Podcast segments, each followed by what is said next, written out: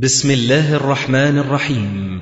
تسجيلات السلف الصالح للصوتيات والمرئيات والبرمجيات. تقدم تفسير الجلالين لفضيلة الشيخ الدكتور محمد إسماعيل. الحمد لله رب العالمين. الرحمن الرحيم. مالك يوم الدين. والعاقبة للمتقين. ولا عدوان إلا على الظالمين. وأشهد أن لا إله إلا الله وحده لا شريك له. وأشهد أن محمدا عبده ورسوله. اللهم صل على محمد وعلى آل محمد كما صليت على آل إبراهيم إنك حميد مجيد. اللهم بارك على محمد وعلى آل محمد كما باركت على آل إبراهيم إنك حميد مجيد. أما بعد فنشرع بإذن الله تعالى في تفسير سورة العاديات وهي السورة المئة رقم مئة في ترتيب المصحف الشريف.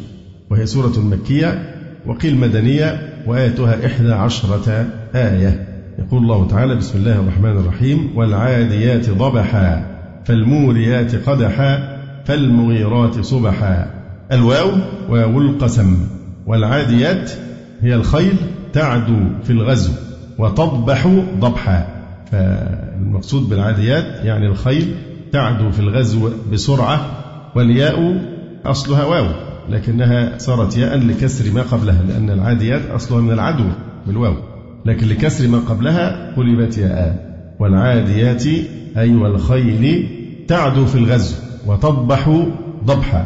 فضبحا طبعا هي كما سنبين إن شاء الله تعالى أنها مفعول مطلق يعني. يبقى والعاديات الخيل تعدو في الغزو بسرعة. والعاديات ضبحا. والضبح هو صوت أجوافها إذا عدت. الخيول إذا جرت بسرعة يصدر منها صوت. هذا الصوت هو الضبح. يبقى وكأنه قال والعاديات يضبحن ضبحا. واضح؟ والعاديات يضبحن يبقى يضبحن فعل مقدر. إعرابه إيه؟ حال. والعاديات يضبحن ضبحة مفعول مطلق لفعل محذوف. والضبح كما ذكرنا هو صوت أنفاس الخيل إذا عدت. قال عنترة والخيل تكدح حين تضبح في حياض الموت ضبحا. فالموريات قدحا. فالموريات الفاء للعطف. فالموريات أي الخيل توري النار توري النار. قدحا بحوافرها إذا سارت في الأرض ذات الحجارة بالليل. فالخيل توري النار بسنابكها سنابكها في حوافرها. إذا اصطدمت بالصخر فإنها إيه؟ يصدر من ذلك إيه؟ شرارة شرارة نار.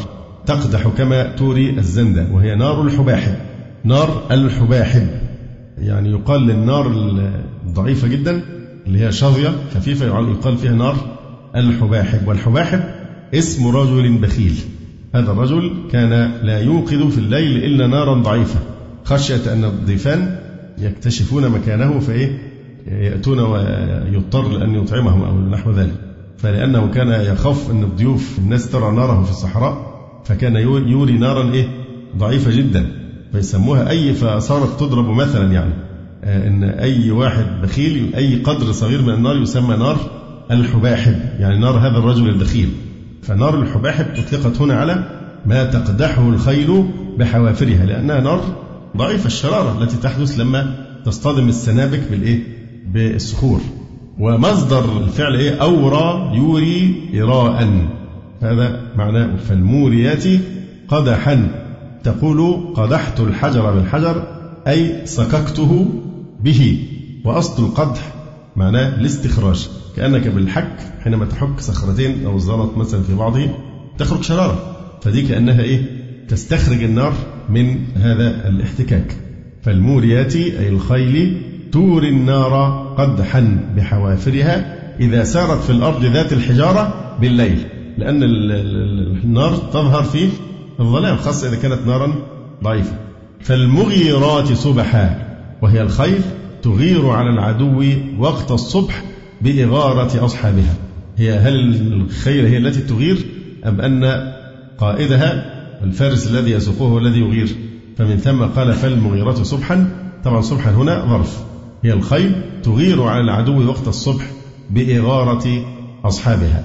طبعا نلاحظ هنا أن العطف أتى بالفاء والعاديات ضبحا فالموريات قدحا فالمغيرات صبحا. فالعطف بالفاء والفاء هنا تفيد التعقيب.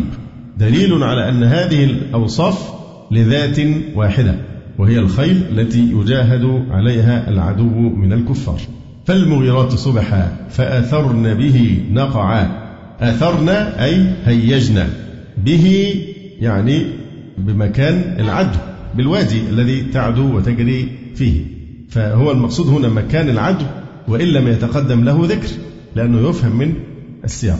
فأثرن هيجن به بمكان عدوهن أو به بذلك الوقت الذي هو وقت الصبح. وهذا قد يكون أقرب وأولى لأن الصبح مذكور صريحا. أما المكان فإننا نقدره تقديرا. فمن ثم قال بعض المفسرين إن إن عود الهاء على الزمان فأثرن به يعني بوقت الصبح فأثرن به نقعة غبارا بشدة حركتهن فمالوا إلى أن الهاء تعود في قوله به إلى الصبح لأنه موجود ظاهرا منصوصا عليه صريحا. والباء في به بمعنى فيه فأثرن به نقعا.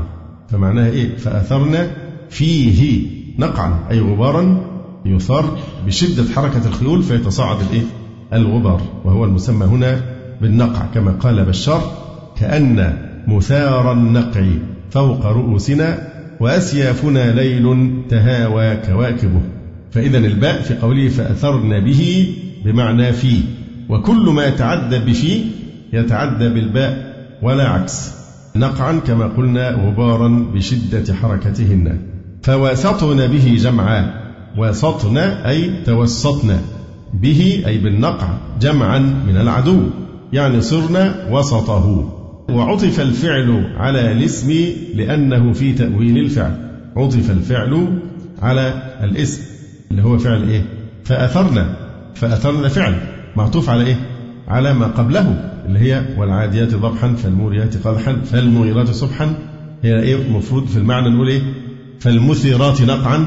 أو تكون والعاديات تعدو ضبحا وتوري قدحا وتغير صبحا. يعطف عليها الفعل. يقول هنا وعطف الفعل على الاسم لأنه في تأويل الفعل يعني كأنه يقول واللاتي عدون فأورين فأغرن صبحا فأثرن به نقعا فهنا مخالفة بين المعطوف والمعطوف عليه لأن فآثرنا دي فعل معطوف على إيه؟ والعاديات أسماء. فهنا عطف الفعل على الاسم وهو والعاديات وما بعدها. لأنها كلها أسماء فاعلين. تعطي معنى الفعل. العاديات يعني التي تعدو. وهكذا. وفي هذا سر بديع وهو تصوير هذه الأفعال في النفس وتجسيدها أمام العين فإن التصوير يحصل بإيراد الفعل بعد الاسم لما بينهما من التخالف. وهو أبلغ من التصوير والتجسيد بالأسماء المتناسقة وكذلك التصوير بالمضارع بعد الماضي. يعني يؤدي إلى نفس الإيه؟ تجسيد المعاني. كقول عمرو بن معدي كرب بأني قد لقيت الغول تهوي بسهب كالصحيفة صحصحاني فأضربها بلا دهش فخرت صريعا لليدين وللجيران. فهنا بيحكي حدث ماضي. يقول بأني قد لقيت الغول تهوي بسهب كالصحيفة صحصحاني فأضربها. يقول فضربتها. أصلها كده لكن عما عطفها بالمضارع وحصل مخالفة بين الفعلين. جسد المعنى فأضربها بلا دهش فخرت صريعا لليدين وللجيران. إن الإنسان لربه لكنود. هذه الجملة لا محل لها من الإعراب لأنها جواب القسم. إن الإنسان لربه لكنود. يقول هنا إن الإنسان أي الكافر. وقيل إن الأولى أن تكون الإنسان للجنس لأن الإنسان طبع وجبل على ذلك الجحود. إلا من عصم الله سبحانه وتعالى. إن الإنسان لربه لكنود. اللام هي المزحلقة. وكنود يعني لكفور. يجحد نعمته تعالى. وقال الحسن البصري في تفسير كنود يذكر المصائب وينسى النعم. وإنه على ذلك لشهيد. طبعا وإنه أي الإنسان. على ذلك يعني على الكنود والجحود لشهيد يعني يشهد على نفسه بصنعه. يعني شاهد بالقوة. هو ما بيقولش أنا كنود أو أنا جحود لكنه أحواله تشهد عليه بأنه جحود. وأجاز الزمخشري أن يعود الضمير على الله سبحانه وتعالى.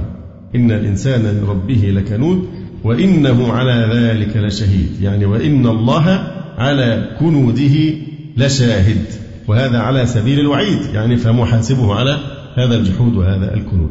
وإنه لحب الخير لشديد. الخير هنا المال. ومنه قول الله تبارك وتعالى كتب عليكم إذا حضر أحدكم الموت إن ترك خيرا الوصية. إن ترك خيرا إن ترك مالا الوصية.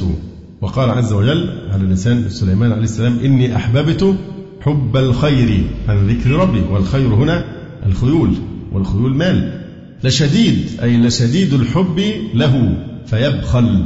وإنه لحب الخير لشديد أي شديد الحب للمال فبالتالي يبخل ويمنع حقه. ثم يقول تعالى أفلا يعلم إذا بعثر ما في القبور؟ أفلا يعلم. طبعا أ الهمزة هنا للاستفهام الإنكاري.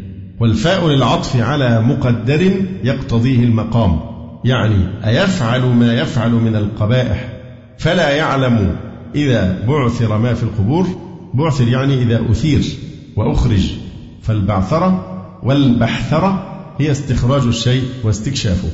أفلا يعلم إذا بعثر ما في القبور أي من الموتى أي بعثوا وحصل أي بين وأفرز ما في الصدور.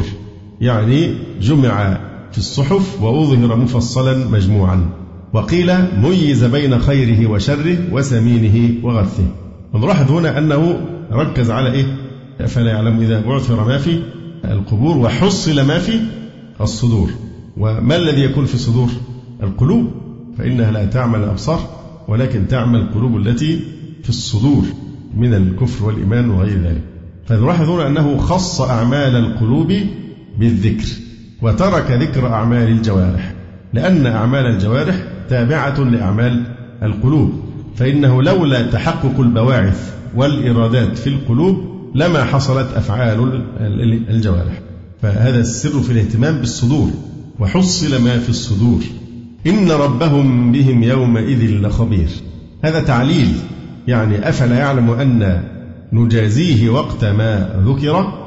إذا بعثر ما في القبور وحصل ما في الصدور أفلا يعلم الإنسان أننا نجازيه في هذا الوقت؟ ثم علل ذلك بقوله إن ربهم بهم لخبير. يعني لعالم فيجازيهم على كفرهم. أعيد الضمير جمعا نظرا لمعنى الإنسان. إن ربهم بهم لم يقل به. فهذا يدل على أن الإنسان اسم إيه؟ جنس. فأضاف إلى الجمع نظرا إلى معنى كلمة الإنسان. وهذه الجملة دلت على مفعول يعلم يعني أن نجازيه وقت ما ذكر. لأن معنى إن ربهم بهم يومئذ لخبير أي نص في الآخرة يدل على أن الله خبير وعليم بما يفعل البشر هذا فيه وعيد. لأنه لا ليس المقصود الاقتصار على إثبات أن الله يعلم لكن المقصود الحقيقي إيه؟ أنه سوف يجازى طبقا لعلم الله فيه. وتعلق خبير بيوم إذ إن ربهم بهم يومئذ لخبير مع أن الله سبحانه وتعالى خبير دائما وليس خبيرا إيه؟ يومئذ. وإنما هذا لأنه يوم الجزاء يوم المجازاة. فمن ثم خص هذا اليوم بقوله إن ربهم بهم يومئذ لخبير. كما تقول مالك يوم الدين. والله مالك يوم الدين ومالك أيضا أيام الدنيا. لكن خص لأنه يوم ممحض للحساب والجزاء فكذلك هنا. إن ربهم بهم يومئذ لخبير. فالله خبير بهم في الدنيا وخبير بهم في الآخرة. لكن خص بيومئذ لماذا؟ لأنه هو يوم المجازاة. أقول قولي هذا واستغفر الله لي ولكم. سبحانك اللهم ربنا وبحمدك أشهد أن لا إله إلا أنت أستغفرك وأتوب إليك. وفي الختام تقبلوا تحيات إخوانكم في تسجيلات السلف الصالح بالإسكندرية. هاتف رقم صفر ثلاثة فاصل أربعة تسعة أربعة سبعة ستة خمسة اثنان.